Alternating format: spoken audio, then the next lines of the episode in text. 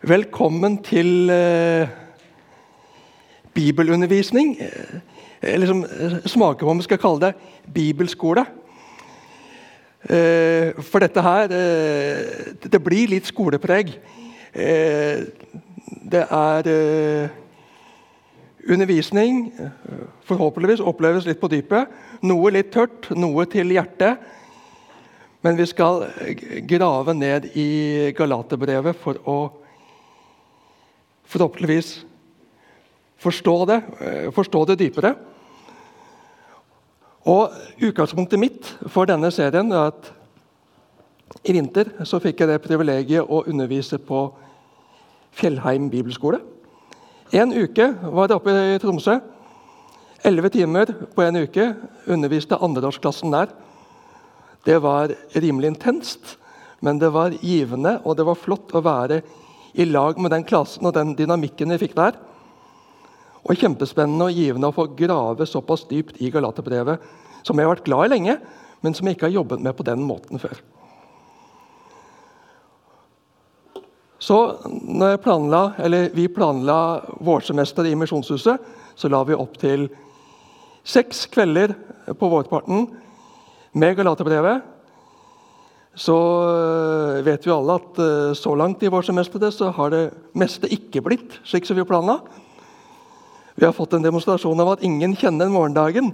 Og vi vet heller ikke hvordan det blir utover i forhold til koronarestriksjoner og bygge- og oppussingsprosjekt. Men nå begynner vi i dag, og så tar vi én dag av gangen og én bit av gangen. I informasjonen om eh, disse kveldene så ba jeg dere om å ta med Bibel og ta med noe å skrive med og på. For det, Jeg vil ikke at dere bare skal lytte, men at dere skal reflektere og notere underveis. Så ser du om det er på telefon, eller om det er papir, eller om du helst har det oppi der. Du vet hva som funker best for deg.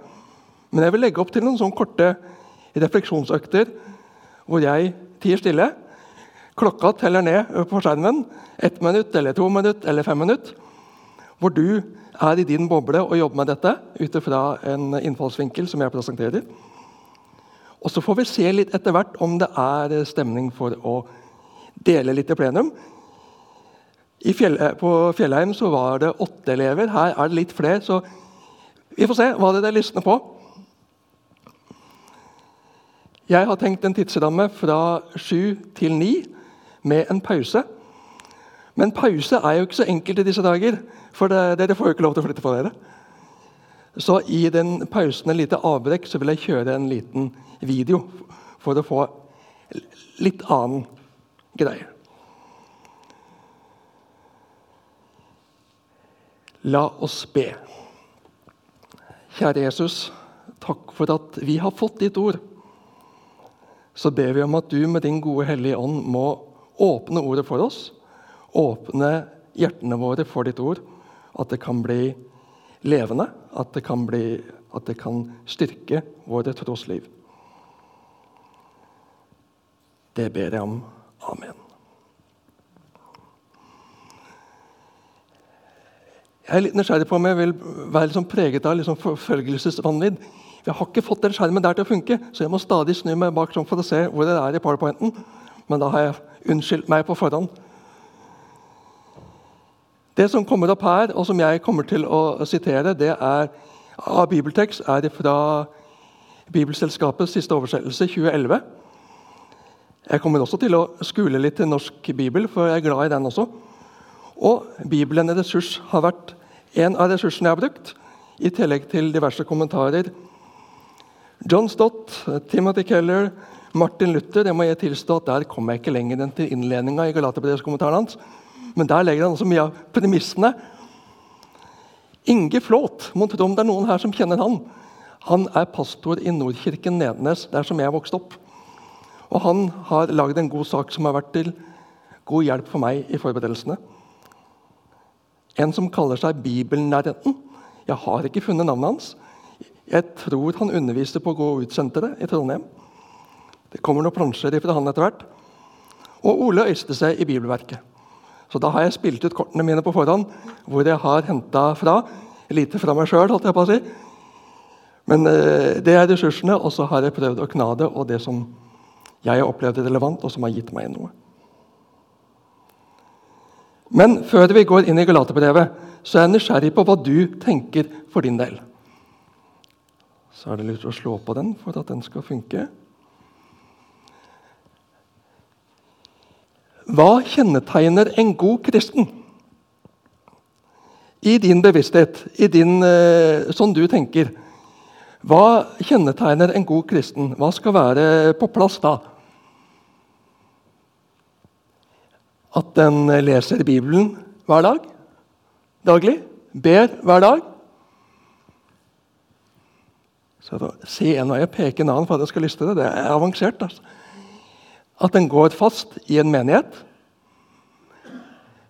Kjenne, er det et kjennetegn på en kristen for din del at en har en tjeneste i menigheten? At en støtter menigheten sin økonomisk, det er jo viktig. At en er frimodig i evangelisering. Vi har jo lært at vi skal evangelisere, vi skal dele vår tro. Og en kristen med respekt for seg sjøl har vel lest hele Bibelen.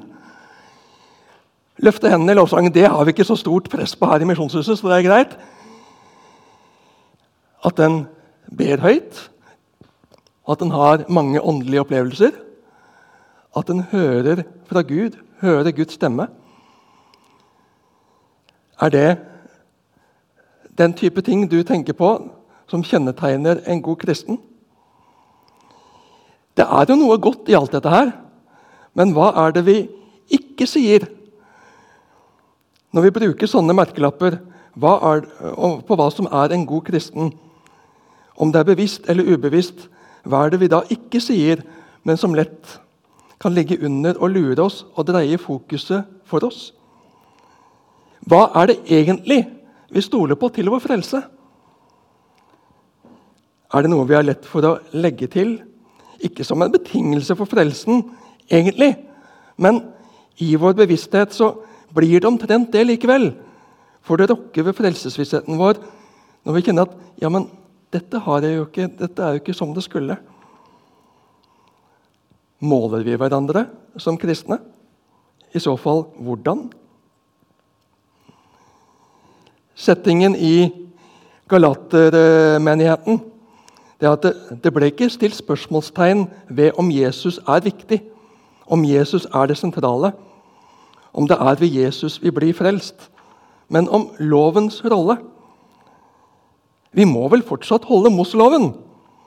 Ja, det er klart at vi må holde Moseloven. Det er jo jødenes identitet, så å si.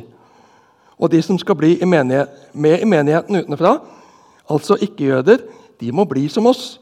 De må omskjæres, og de må holde Moseloven. Klart det.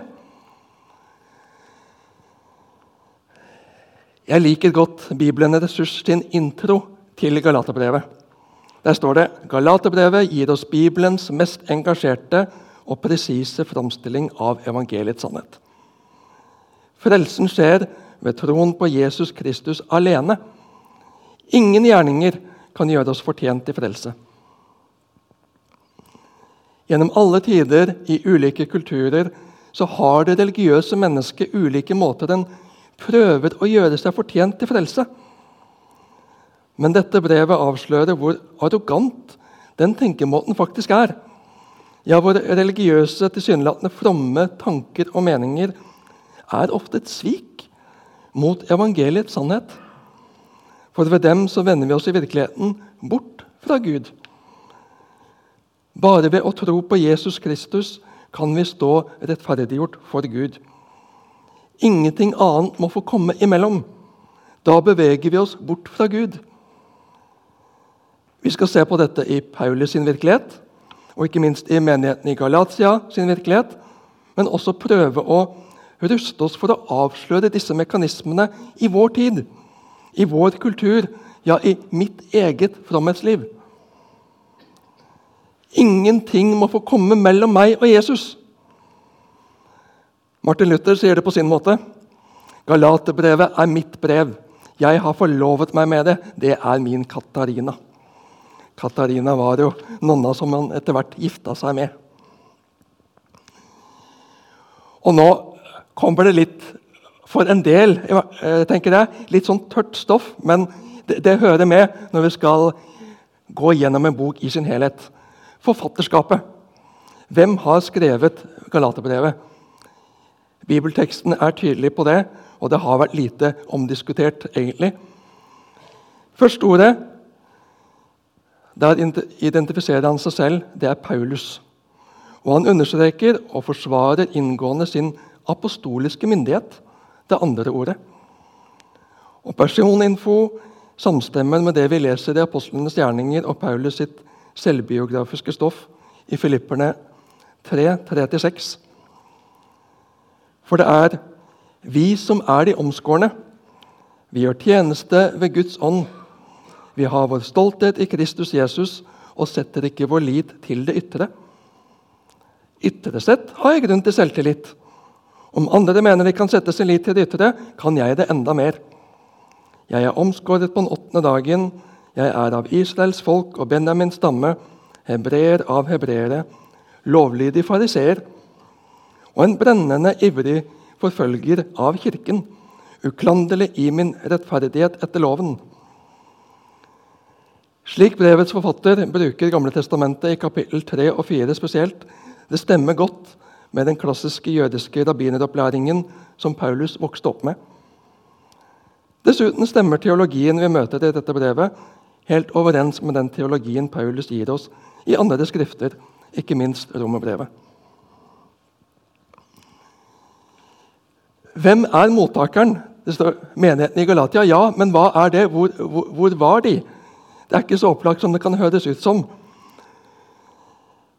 Han skriver til menigheten i Galatia, kapittel 1, vers 2, og omtaler dem som galatere i kapittel 3, vers 1. Navnet Galatia det kom av at ca. 300 år før Kristus ble området befolket av grupper av gallere som kom fra dagens Frankrike og de britiske øyer. Begrepet galatere ble brukt både etnisk og politisk. De etniske galaterne bodde i området i Nord-Galatia. Den politiske provinsen Galatia innebefattet også Sør-Galatia, der det bodde andre etniske grupper. Hvis menighetene i Galatia ble grunnlagt under andre misjonsreise i den nordlige delen av provinsen Galatia, så er året 52 etter Kristus det tidligste brevet kan være skrevet. Likheten med rombrevet har fått noen til å datere brevet midt på 50-tallet. På den andre side Galatia kan forstås som Sør-Galatia, inkludert Lystra, Ikonium og pisidiske Antiokia. Det var menigheter som Paulus plantet under første misjonsreise. I så fall kan Galaterbrevet være skrevet så tidlig som år 48 etter Kristus. Ofte så kalles disse to teoriene for den nordgalatiske og den sørgalatiske teori.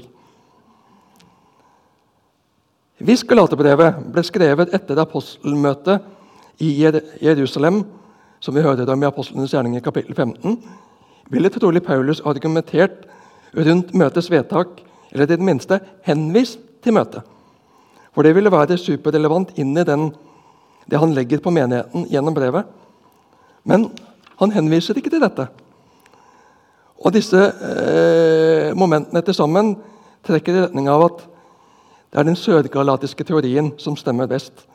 Og at, at eh, det er menighetene i Lystra, Ikonium og Antiokia i Pisidia som er mottakerne av dette brevet. Og at Galaterbrevet må dateres så tidlig som år 48. Og Det betyr at Galaterbrevet er av de tidligste skriftene i Det nye testamentet.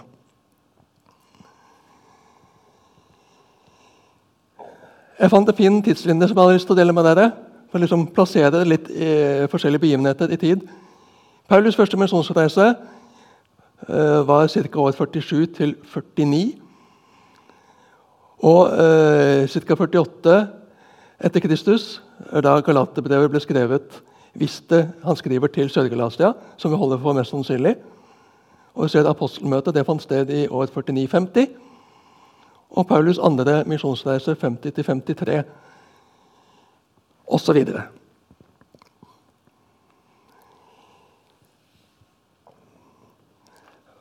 Hva er Paulus sitt formål med å skrive dette, dette brevet?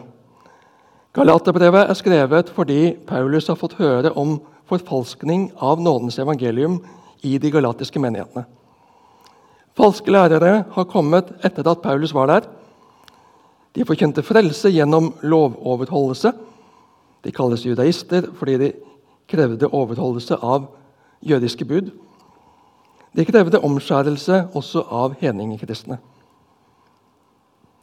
Paulus vil med brevet overbevise om at frelsen forutsetter kun troen på Jesus alene, uten noen gjerninger. Kjærligheten til menigheten tvinger ham til å skrive for at de ikke skal ledes vill. Jeg skal ikke dvele mye ved det, men litterær form Noen stikkord på det. Brevet inneholder alle tre typiske elementer for brev på det første århundret. En innledning, en hoveddel og avslutning med hilsener og ønsker. Men det som gjør at Galaterbrevet skiller seg ut fra de andre Paulus-brevene, er at han har ikke den, det oppløftende takkeavsnittet i starten. Det, det mangler helt, og det er påfallende i sammenligning med de andre Paulus-brevene. Og Det understreker det alvorlige, den alvorlige situasjonen. Her, her, er det ikke glede som overstrømmer han, men her er det alvoret og det maktpåliggende. Her er det mye som står på spill.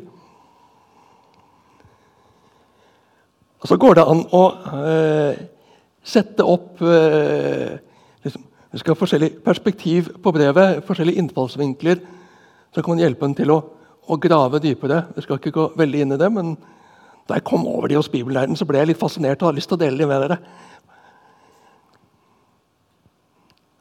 Om noen har lyst til å se nærmere på dem, så går det an å spørre om å få dem senere. Også en sammenstilling mellom Galaterbrevet og Apostelens gjerninger. De forskjellige hendelsene en annen. Og i forhold til eh, årstallene. Jeg eh, gjør det enkleste jeg bruker inndelinga som vi har i Bibelselskapets uh, oversettelse. Jeg tar ikke mål av meg å overprøve det. Det, så det er inndelinga vi kommer til å forholde oss til. Og nå, til deres lettelse, har vi endelig kommet til bibelteksten. De første fem versene Jeg begynner med et par, i hvert fall. Paulus, apostel, ikke utsendt av mennesker eller ved noe menneske, men av Jesus Kristus og av Gud, vår Far, som reiste han opp fra de døde. Jeg, Paulus, og alle mine søsken her hilser menighetene i Galatia. Paulus gir seg selv den tittelen motstanderne ville ta fra han. Han var apostel, Jesu Kristi apostel. Ordet apostel betydde noe helt spesielt. Det var en budbærer på en spesiell måte. Han hadde autoritet for en som var høyere enn seg selv, og var utnevnt av denne. Hvem øh, hadde utnevnt Paulus til apostel? Jo, selvfølgelig Jesus. Og Det var denne tittelen som ble brukt om Jesu utvalgte delegater etter Jesu himmelfart. De tolv disiplene ble utvalgt, håndplukket, kalt og med oppdrag å forkynne i Herrens eget navn. Ordet apostel betyr utsending, og ordet ble i begynnelsen brukt om, om alle utsendinger, i hvert fall mange utsendinger. Men etter hvert i Det nye testamentet ble begrepet mer og mer brukt eksklusivt om de tolv. De tolv øyenvitnene som hadde fulgt Jesus og sett og hørt hans liv og lære, og var utvalgt av ham på en spesiell måte. Derfor må vi også legge til at det ikke finnes apostler i dag med samme myndighet som de tolv. Den katolske kirke, og i hvert fall den anglikanske kirke, lærer en apostolisk suksesjon. En myndighet overlevert til prester ved ordinasjon, som kan spores tilbake til Peter, med rot i Matteus 16, hvor Jesus sier Og dere, hvem sier dere at de er? Da svarte Simon Peter, 'Du er Messias, den levende Guds sønn.' Jesus tok til ordet og sa, 'Salig er du Simon, sønn av Jonah, for dette har ikke kjøtt og blod åpenbart deg, men min far i himmelen. Og jeg sier deg, du er Peter, og på denne klippen vil jeg bygge min kirke.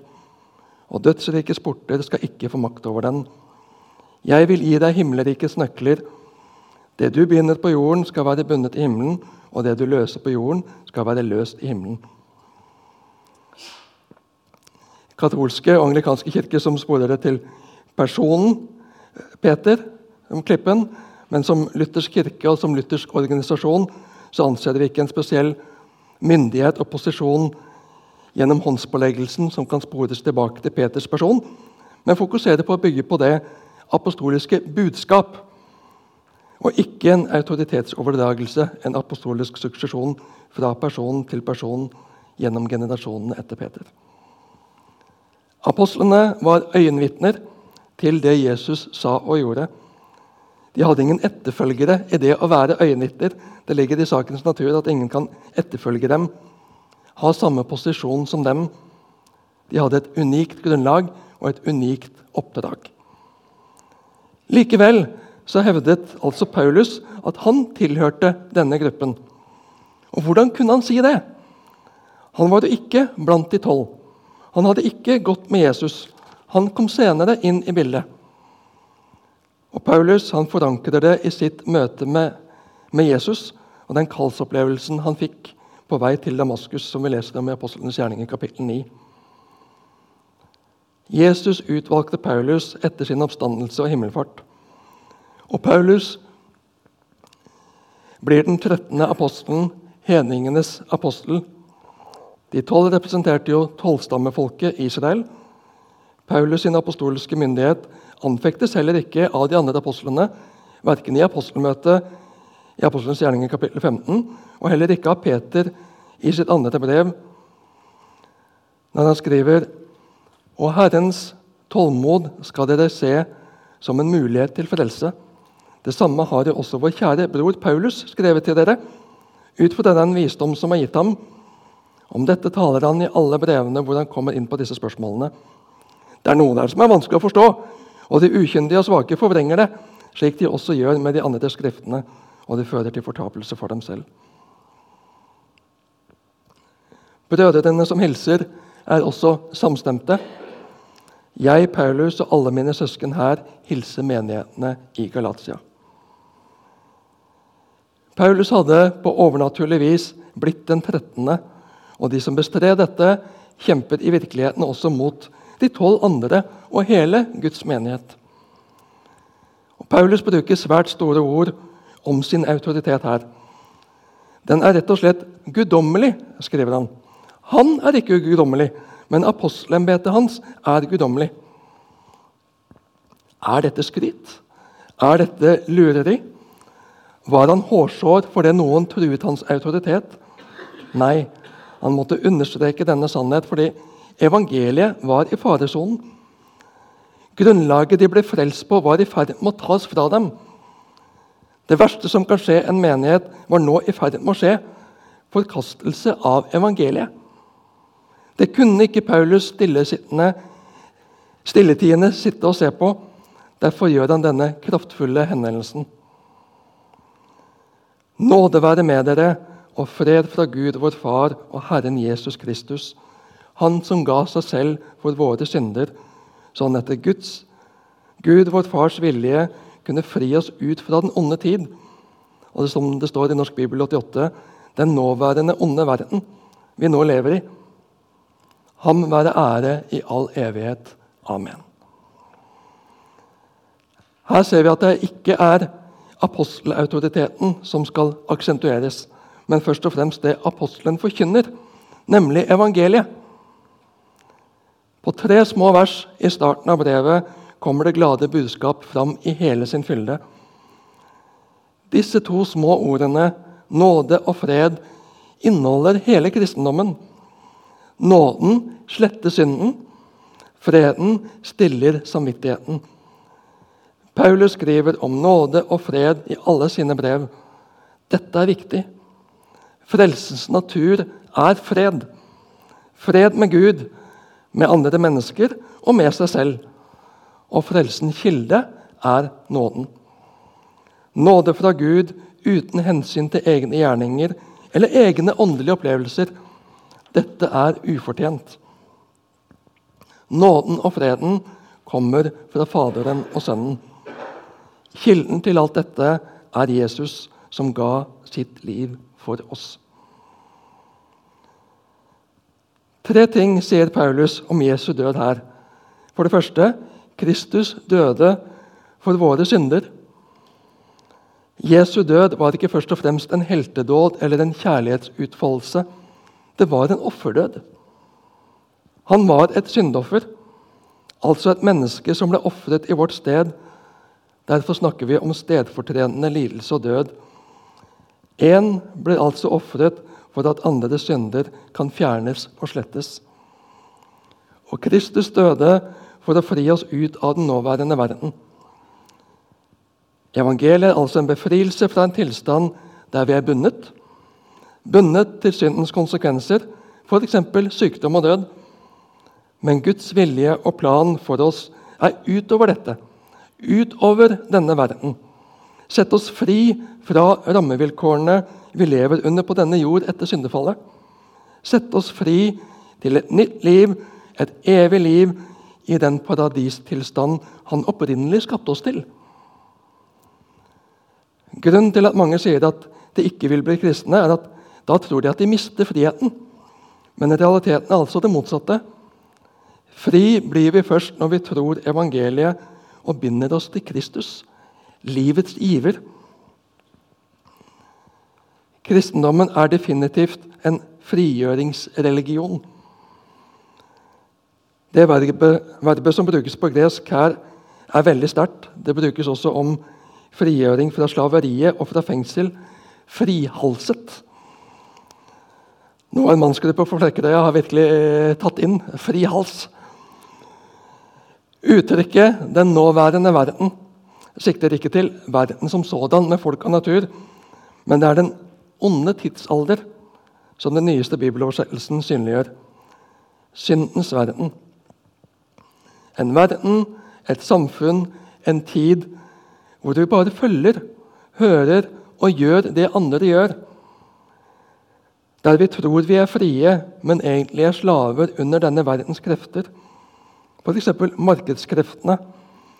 Hvor vi gjennom pågående reklame det, det skapes behov gjennom markedskreftene. Det krever stort mot å stå opp mot det politisk korrekte. En skal helst gå i flokk. Selv om det er ytringsfrihet, selv om det er demokrati, så er det noen krefter her. Verdens krefter der den drives med av strømmen og er åndelig døde. Kristus døde ifølge Guds vilje. Det var Gud som ville at Jesus skulle dø. I sin ubegripelige, kjærlighet til oss gir Gud seg selv i døden for oss. For så høyt har Gud elsket verden, at han ga sin sønn den enbårne, for at hver den som tror på Han, ikke skal gå fortapt, men ha evig liv. Er det rart at Paulus slutter Første avsnitt med en lovprisning, en doksologi. Ham være ære i all evighet. Amen. Og så fortsetter han. Det undrer meg at dere så raskt vender dere bort fra Ham som har kalt dere ved Kristi nåde, og til et annet evangelium. Men det finnes ikke noe annet. Det er bare noen som forvirrer dere og vil forvrenge Kristi evangelium. Men om vi selv, ja, om en engel fra himmelen skulle forkynne dere et annet evangelium enn det vi forkynte dere, forbannet være han. Vi har sagt det før, og jeg gjentar det nå. Hvis noen forkynner dere et annet evangelium enn det dere har mottatt, forbannet være han. Hvordan ser du for deg humøret til Paulus når han skriver dette? Hvorfor har han en slik sinnstilstand?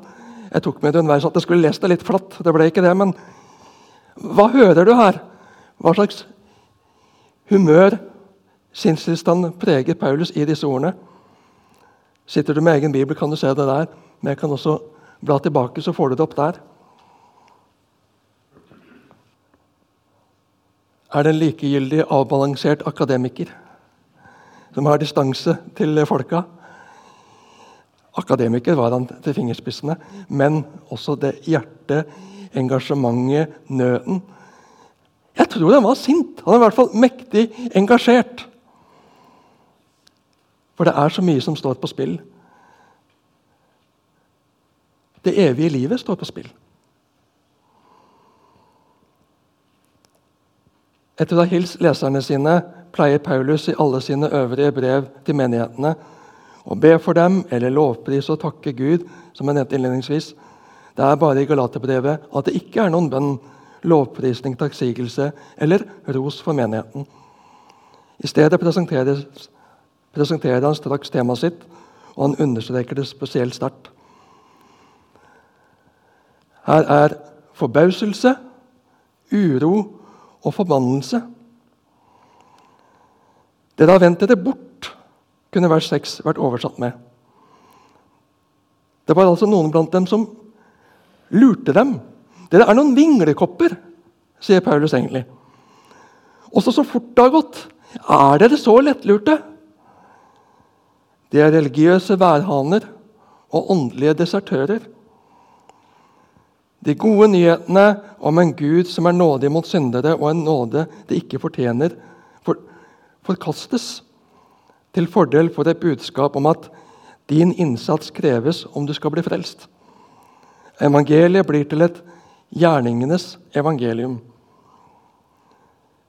De falske lærerne var tydeligvis judaister som krevde omskjærelse og etterfølgelse av Moseloven for å bli frelst. De benektet ikke troen på Jesus, men det er mer enn Jesus, sa de. Med andre ord, De mente at de selv måtte fullføre gjennom å overholde Moseloven, det Jesus begynte. Du må legge din gjerning til Jesu gjerning. Da blir det bra. Det var ikke nok, det Jesus gjorde. De hadde fokus på Moseloven, omskjærelsen. Hva er det vi i vår tid, hva er det vi i vår kultur har det med å legge til Jesus pluss.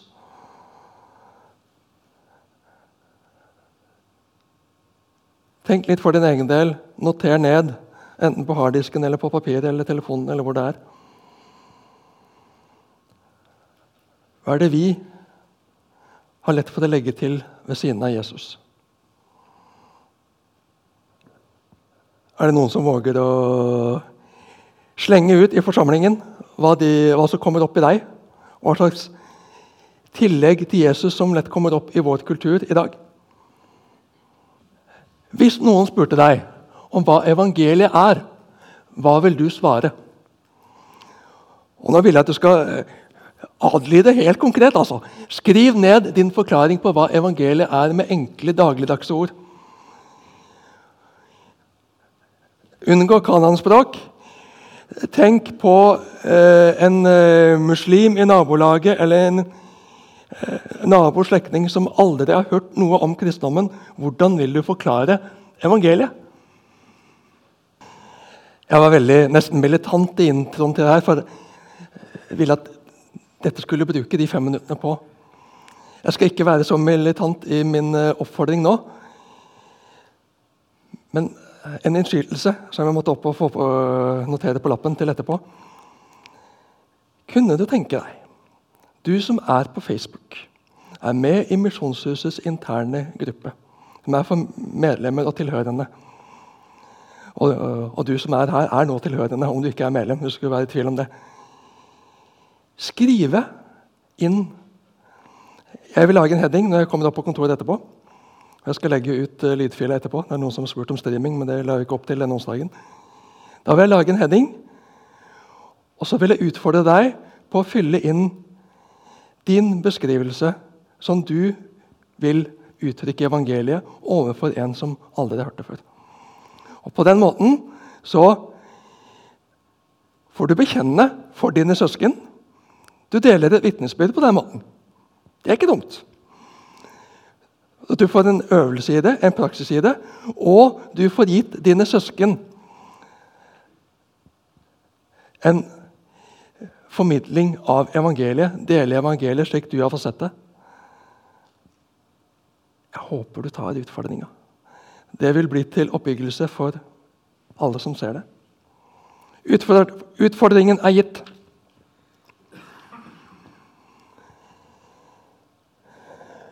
Du må legge din gjerning til Jesu gjerning. Disse plussene da eh, Jesus pluss og, og, og nå.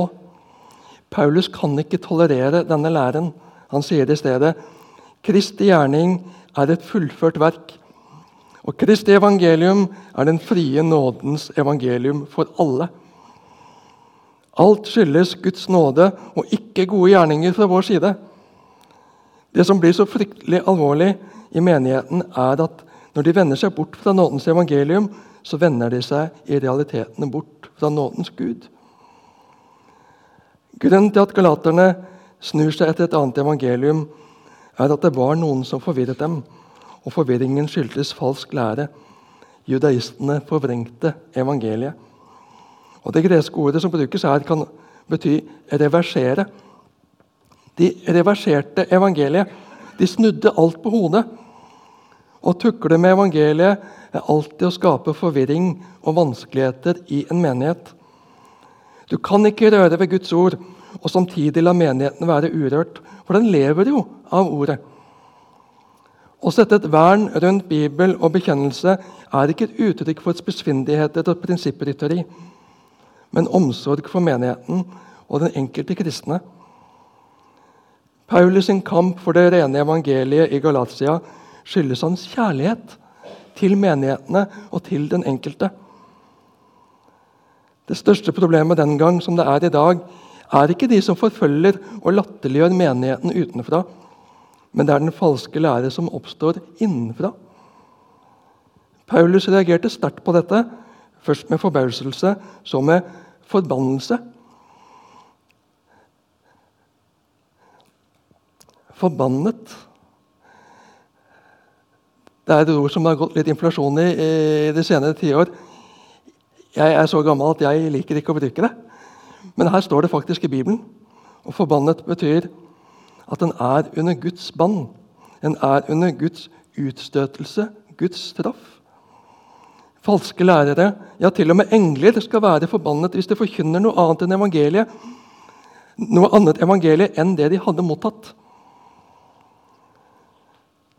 Det er Noen som har tolket disse utsagnene av Paulus som en såret lærers personlige hevn over rivaliserende lærere. Men det er langt mer alvorlig enn det. Paulus griper det egne ord om falske lærere, forførere som hadde som det hadde vært bedre for å bli senket i havet med en kvernstein om halsen enn å møte dommen. Å forvrenge evangeliet er å forvrenge Jesus selv. Luther skriver om disse tingene at veien til helvete er brolagt med gode forsetter. Og Det er denne veien disse lærere vil ha menigheten inn på. En vei hvor det er mine fromme gjerninger som til syvende og sist avgjørende. Min lydighet min lovoverholdelse. Da er evangeliet borte. Da er den utenfor frelsen.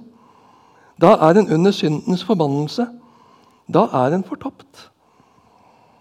Derfor bruker Paulus så sterke ord. Dette er ikke bare forbannet løgn, men det er selv forbannet som gjør Jesu frelsesverk til intet. Vi også, om vi gjør det, skriver han.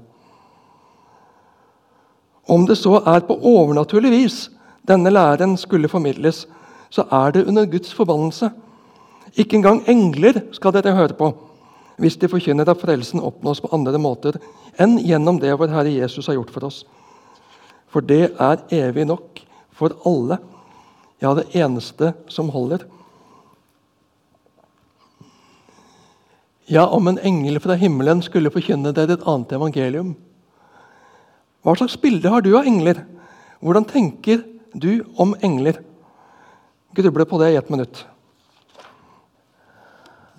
Hva slags bilde har du av engler? Vil du slenge ut noe?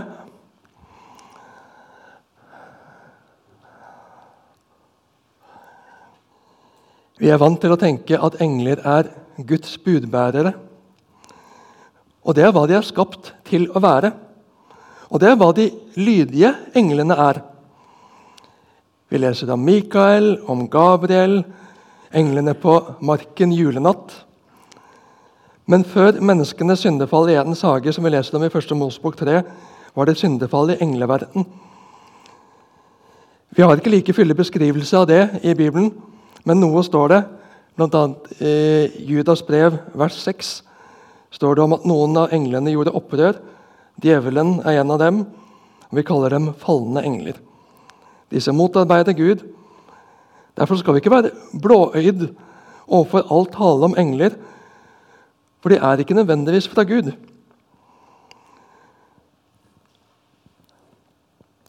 Nå er vel engleskolen til Märtha Louise eh, nedlagt. Men det fikk i sin tid masse oppmerksomhet. Mange var fascinert. Men hva slags engler var det? Brakte de bud fra Gud? Pekte de på Jesus? Eller førtes oppmerksomheten i en annen retning? Det er en måte å, teste, teste englene på. Er det Guds budbærere? Er det Jesus som får fokus? Eller føres vår oppmerksomhet i annen retning? Jeg tror på engler i den forstand at jeg tror at engler finnes. De er virkelige, og de er i virksomhet. Men det er ikke englene vi skal stole på. Eller for å si det på en annen måte, Vi skal ikke tro på englene, men på Gud, på Guds ord. Og han kan bruke engler i sin tjeneste. Men vi skal være obs på at det finnes engler i en annen makts tjeneste også. Ja, Satan selv kan skape seg om til en lysets engel. Altså er ikke englebud en sannhetsgaranti. Alt må prøves på Guds ord.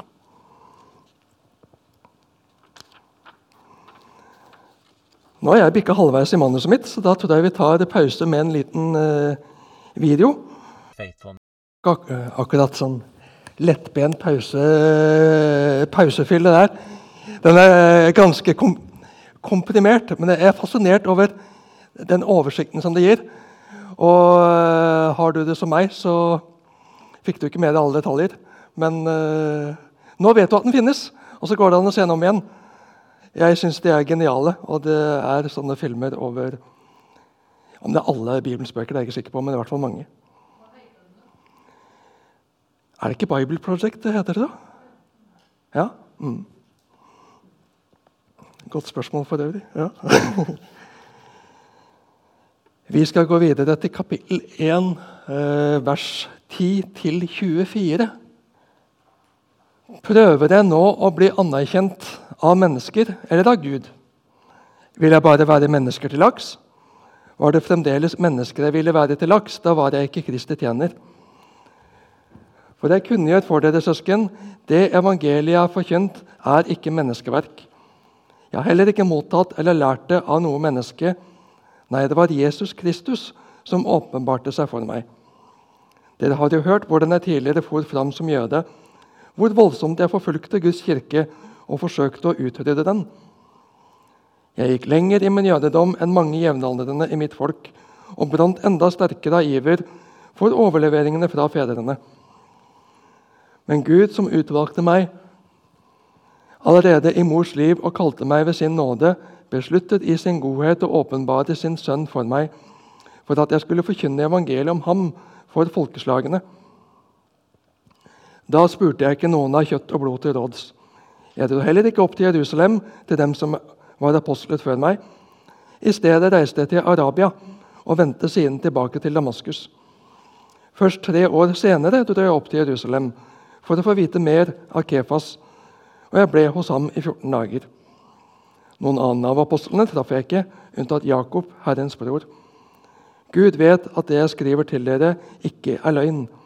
Så dro jeg til Syria og Kilikia. Menigheten i Judea, de som er i Kristus, kjente ikke meg personlig. De hadde bare hørt at det ble sagt, han som før forfulgte oss, forkynner nå selv den troen han prøvde å utrydde og de lovpriste Gud på grunn av meg. Her har vi et lengre avsnitt om at evangeliet er Guds sak.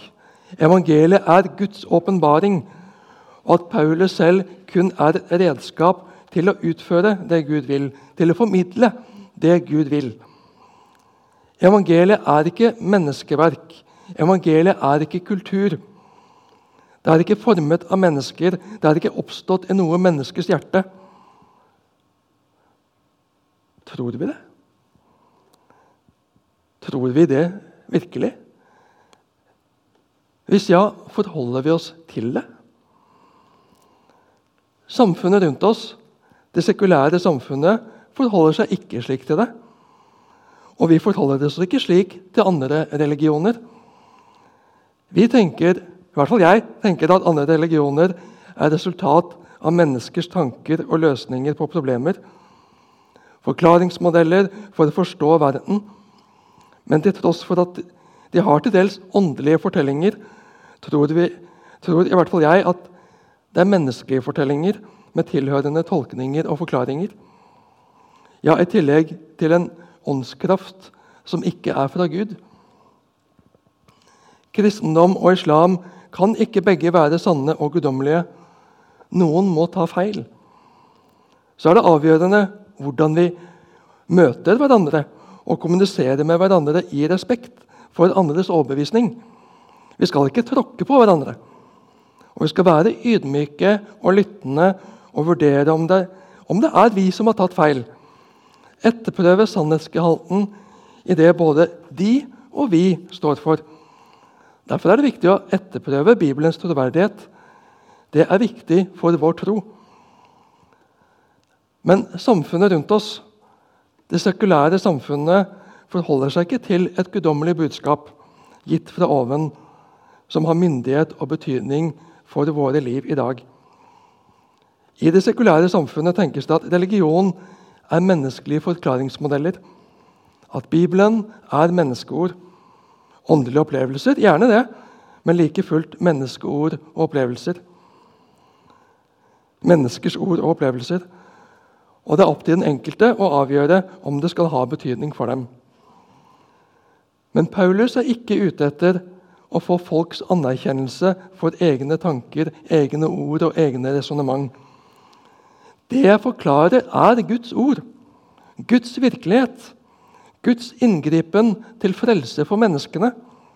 Det er ikke meg dere skal høre på, det er Gud. Evangeliet er oppstått i himmelen, i Guds eget hjerte, i Guds handling. Evangeliet er noe som er blitt åpenbart for Paulus. Han har fått det av Jesus selv.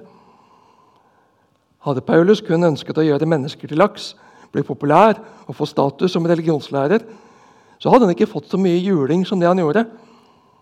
Fengslet, steinet, hundset med, foraktet av mobben hvor han kom. Hvorfor?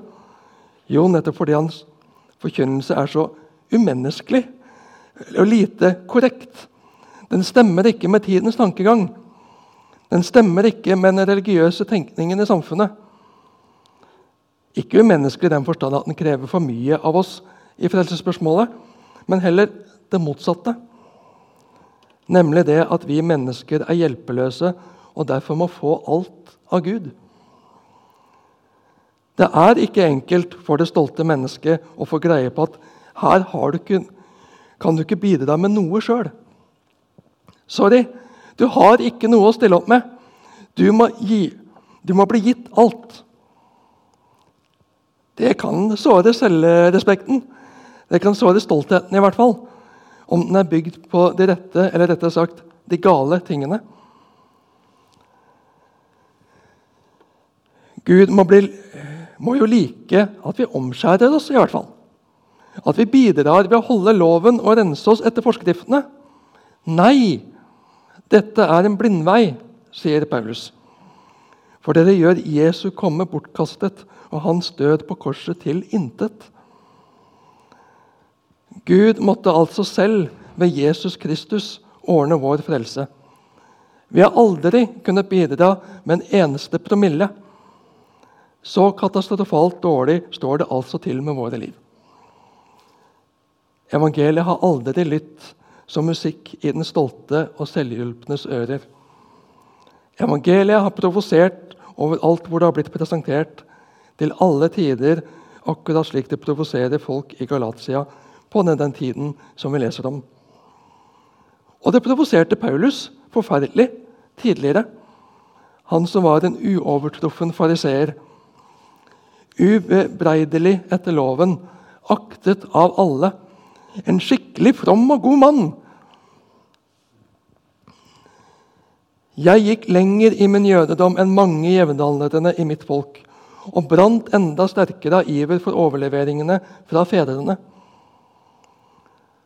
Og hvor godt det var for hans stolthet, for hans selvfølelse. Han tok det skritt lenger enn de andre. Helt til den dagen han selv møter Jesus. Da får han et nytt blikk på seg sjøl. Da er det brått slutt på troen på seg selv i møte med Gud. Han har møtt den hellige, som intet urent kan stå oppreist i nærheten av. Han kan ikke lenger forholde seg til et kompromittert gudsbilde. Et tilgjenket og tilpasset bilde av Gud. En Gud i virkeligheten i mitt bilde. Han erkjenner at Gud er ikke en Gud som møter oss på halvveien. Gud er ikke en Gud som slår av på kravene. Så lenge du gjør så godt du kan, så skal, skal jeg ikke ta det så nøye. Jeg skjønner at du mente det godt. Nei, det holder ikke i møte med en hellig og sann Gud. Det er kun det fullkomne som holder om det skal være godt i Guds rike, om det skal være godt og ha plass i Guds himmel. Akkurat som ett gram gjær hever deigen. Det tar bare lengre tid om bruker, enn om du bruker en hel pose tørrgjær. I høst var jeg på besøk hos en skikkelig pizzafantast. Han har fått til jul eller det vil si, dette her var lenge før jul, så han, han fikk lov til å åpne pakken før jul. for han var så, ja. Og Han serverte pizza lagd i en pizzaovn. Og deigen den hadde han satt eller det var fire separate deiger til fire små pizzaer. Med ett gram gjær i hver deig. Satte, satte deigen dagen før, så det sto og godgjorde seg lenge. Han gikk virkelig inn i dette for å lage den optimale pizzaen.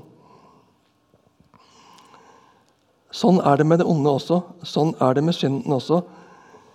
Det holder ikke at jeg strekker meg til det ytterste i å overholde loven. Jeg kan legge av noen gjerninger, slutte å lyve, forhåpentligvis. Men hjertet blir aldri rent. Det avslører meg. Det avslører det onde i meg. Gud kan ikke akseptere det, for da er det bare tidsspørsmål før vi er på samme sted. Det onde vokser. Det brer om seg. Og det er stikk i strid med Guds plan. Det er stikk i strid med Guds vilje, Guds godhet, å gi det aller minste rom til det onde, som er det stikk motsatte av det gode, hellige og rene. Men det satt langt inne for Paulus å akseptere det. Og Her bruker han sin egen troshistorie for å vise hvor fjernt det er at han kunne tatt seg til dette sjøl. For jeg kunngjør for dere, søsken, det evangeliet jeg har forkynt, er ikke menneskeverk. Jeg har heller ikke mottatt det eller lært av noe menneske. Nei, det var Jesus Kristus som åpenbarte seg for meg. Dere har jo hørt hvordan jeg tidligere for fram som jøde, hvor voldsomt jeg forfulgte Guds kirke for å utrydde den. Serien AD Kingdom and Empire får det godt fram hvordan Paulus i sin intense iver etter å tilfredsstille Gud og følge Gud radikalt At han gikk radikalt frem før han møtte Jesus. Den lå, på Netflix, den ligger ikke der lenger, men jeg tror den er å få tak i på DVD. Den er knallbra. Og måten Ja, det er, det er, de har eh, fanga Paulus sin personlighet der, tenkte jeg når jeg så den. Han var hard med seg selv, og han ble hardere og hardere mot andre i Guds navn. Lovrettferdigheten som er nådeløs, som gjør det hardere og hardere, kaldere og kaldere, om hun skal sikre seg å være god nok. For jo lenger jeg kommer i å rense bort enkeltsynder, jo tydeligere blir det for meg alle andre synder i meg. Når jeg begynner å luke, så får jeg øye på det ene ugresset etter det andre som jeg ikke hadde lagt merke til før. For jeg så bare de største, de mest markante, i første omgang. Det hadde vært en kultur over tid at rabbinerne la til konkretiseringer og aktualiseringer av lovene i Gamle Testamentet. Det var tilleggsbud og tilleggsregler for å sikre at de var innafor. Og som de gode eksempler det var, de gode forbilder de var, så formidlet de det og la det også på sine etterfølgere. Det ble et strev, og det ble hardt, og det ble kaldt og kjølig.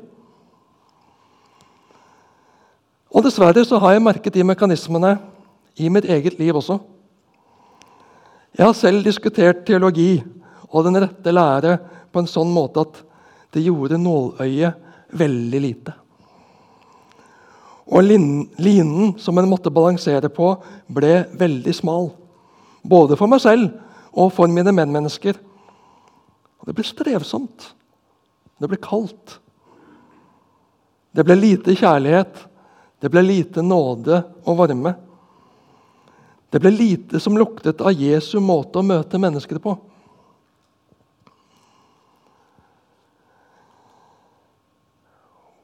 Hvordan har de miljøer du vært i, som du har vært i opp igjennom, vært i forhold til dette? Og hva slags, og kanskje mer interessant, hva slags miljø lager du, lager vi, rundt oss? I Misjonshuset, i bibelgruppene, i måten vi lever troa vår på i, i vår hverdag. Er det kjærligheten nåden og varmen som preger atmosfæren, som preger ånden? Eller er det strevet som gjør det hardt og kaldt? Hvis det er det siste, hvilken ånd er det i så fall som virker det?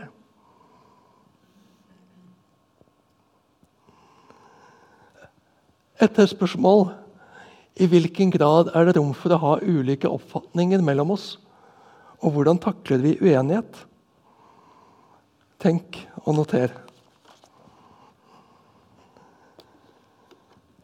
Paulus gikk en streng skole, men han hadde behov for å ta det ett skritt lenger.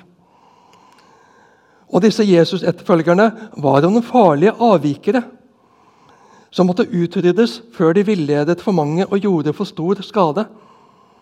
Ja, det var en Guds tjeneste å få stopp for dette en gang for alle. Det tyder på å, være, å ha vært Paulus sin motivasjon tidligere. Inntil han selv får et levende møte med Jesus. Jesus åpenbarte seg for ham. Jesus måtte slå Paulus til jorden, slå ham med blindhet, konfrontere ham med hva han gjorde. Saul, Saul, hvorfor forfølger du meg? Hvem er du, Herre? spurte Saul. Og svaret lød, Jeg er Jesus, han som du forfølger. Men reis deg nå og gå inn i byen, der vil noen si deg hva du skal gjøre. Ananias, en kristen kar, får beskjed fra Jesus i et syn om å gå til Saul. Saulus Paulus, som han tok, navnet han tok etter hvert. Og det er referert kort og enkelt. Det er ikke Ananias sine overtalelsesevner som gjør underverker. Det er det brutale møtet med Jesus. Ananias sier bare, 'Saul, min bror, Herren selv, Jesus som viste seg for deg på veien hit, han har sendt meg for at du skal få synet igjen og bli fylt av Den hellige ånd.' Straks var det som skjell falt fra øynene hans, og han kunne se. Han sto opp og ble døpt. Det ble slutten på Paulus sin herrestatus og begynnelsen på hans tjeneste for evangeliet, for en ny herre. Som vi har sett, dette avsnittet i kapittel 1 er et vitnesbyrd fra Paulus. Her finner vi et før omvendelsen, selve omvendelsen og et etter omvendelsen. Hva han var, ble og er. Det er et vitnesbyrd som bør gå rett inn i Galatia. Det er jo dette de strever med. Moses eller Jesus. Loven eller evangeliet. Det er jo gode ting, begge deler. Begge deler må vel være ålreit? Nei, her er det enten-eller, sier Paulus. Enten strever du med loven for å nå rettferdighet for Gud, eller så hviler du i Guds nåde. Enten søker du frelse ved lovrettferdighet, eller du tar imot rettferdighet ved troen på Jesus. Enten velger du Moses og gjør Jesus til intet, eller du velger Jesus og lar Moses slippe å være din frelser, for det makter han ikke og var aldri tenkt å være. Moses sitt bidrag til frelseshistorien er til ende. Hans oppgave var å vise at vi ikke kan frelse oss selv, men at vi trenger en frelser. Jesus er veien, sannheten og livet. Ingen kommer til Faderen uten ved ham. Paulus hadde ingenting å være flau for når det gjaldt hans religiøse bravader. Han var en meget vellykket sådan, men hans møte med Jesus forandret alt. Paulus ble avslørt til bunns. Hans fromhet var ikke så from. Hans rettferdighet var ikke så rettferdig. Hans lovoppfyllelse var ikke så imponerende. Alt blir så smått, urent, egoist, egosentrisk og vanhellig i møte med den evige, gode og hellige. Motiver ble avslørt, og det som ofte ble sett på som edelt og idealistisk, avdekkes som en egotripp med from farge. Det handlet til syvende og sist om at jeg skulle lykkes. Jeg skulle skinne. Jeg skulle se bra ut. Paulus skriver i senere brev at alt dette som han så på som et hellig liv, ble avslørt som skrap. Jeg er ikke i stand til å stable på beina en rettferdighet som er uten brist og mangler. Skal jeg godtas av en rettferdig Herre, er jeg avhengig av å bli ikledd Hans rettferdighet. Skal jeg møte Den helliges blikk, må jeg selv være bærer av Hans hellighet. Dette skjønte omsider Paulus etter store omveltninger og dramatikk i eget liv og en kraftig korreks. Ja, det var som skjell falt fra hans øyne, både hans fysiske og åndelige øyne. Derfor peker han ikke på seg selv som svaret i brevet til disse menighetene, men på Jesus og Guds utvelgende nåde. Det er utenfor ham, det er utenfor Paulus. Det er ikke menneskeverk, det er åpenbart av Kristus selv. Han ble kalt ved Guds nåde, sier han. Dvs. Si, på grunn av Guds ufortjente kjærlighet. Paulus kjempet mot Gud i sin iver for loven. Han spurte ikke etter Jesus og ba aldri i Jesu navn. Men nåden fant ham, og nåden kalte ham så var det ikke slik at Paulus i et nu hadde fått alt klart i tanke og hjerte. Paulus gir leserne noen korte opplysninger om hva som skjedde etter omvendelsen. Han forteller at han har vært i Arabia i tre år, men vi vet lite om hva han gjorde der. Kanskje var det tre studieår med bønn hvor Jesus ga Paulus et nytt blikk på Skriftene. Den nye relasjonen til Gud, tillit og fortrolighet og et klart syn på evangeliet ble utviklet i stillhet og alenetid med Gud. Stillhet og alenetid med Jesus.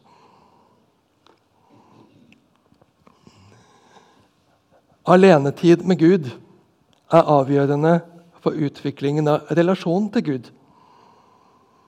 Men vi lever i en tid som har sterkt fokus på aktivitet, sterkt fokus på prestasjon. Bruker du tid med Gud til å lese Hans ord og be? Tar du deg tid til å meditere, gruble, tenke over din identitet som Guds barn? Tar du deg tid ved slutten av dagen til å takke ham for Hans nåde og erkjenne og bekjenne dine feil? Ikke for å bli frelst eller for å oppnå noe hos Gud, men for å vokse i tillit til ham. Hele tre år etter omvendelsen besøkte Paulus Kephas, altså Peter, og Jakob i Jerusalem. Og Han var der bare 14, en annen plass står det 15 dager. Han skriver dette for å vise samhørighet med de andre apostlene. De står på linje, de står sammen om dette budskapet. Samtidig som Paulus vil understreke at han ikke ble opplært av Peter og Jakob og overtok deres lære, så å si. For Paulus ble opplært av Jesus selv. Evangeliet ble åpenbart ham av Jesus selv. Og nå, takket være Jesu åpenbaring, forstår han Skriftene, hva de egentlig sier.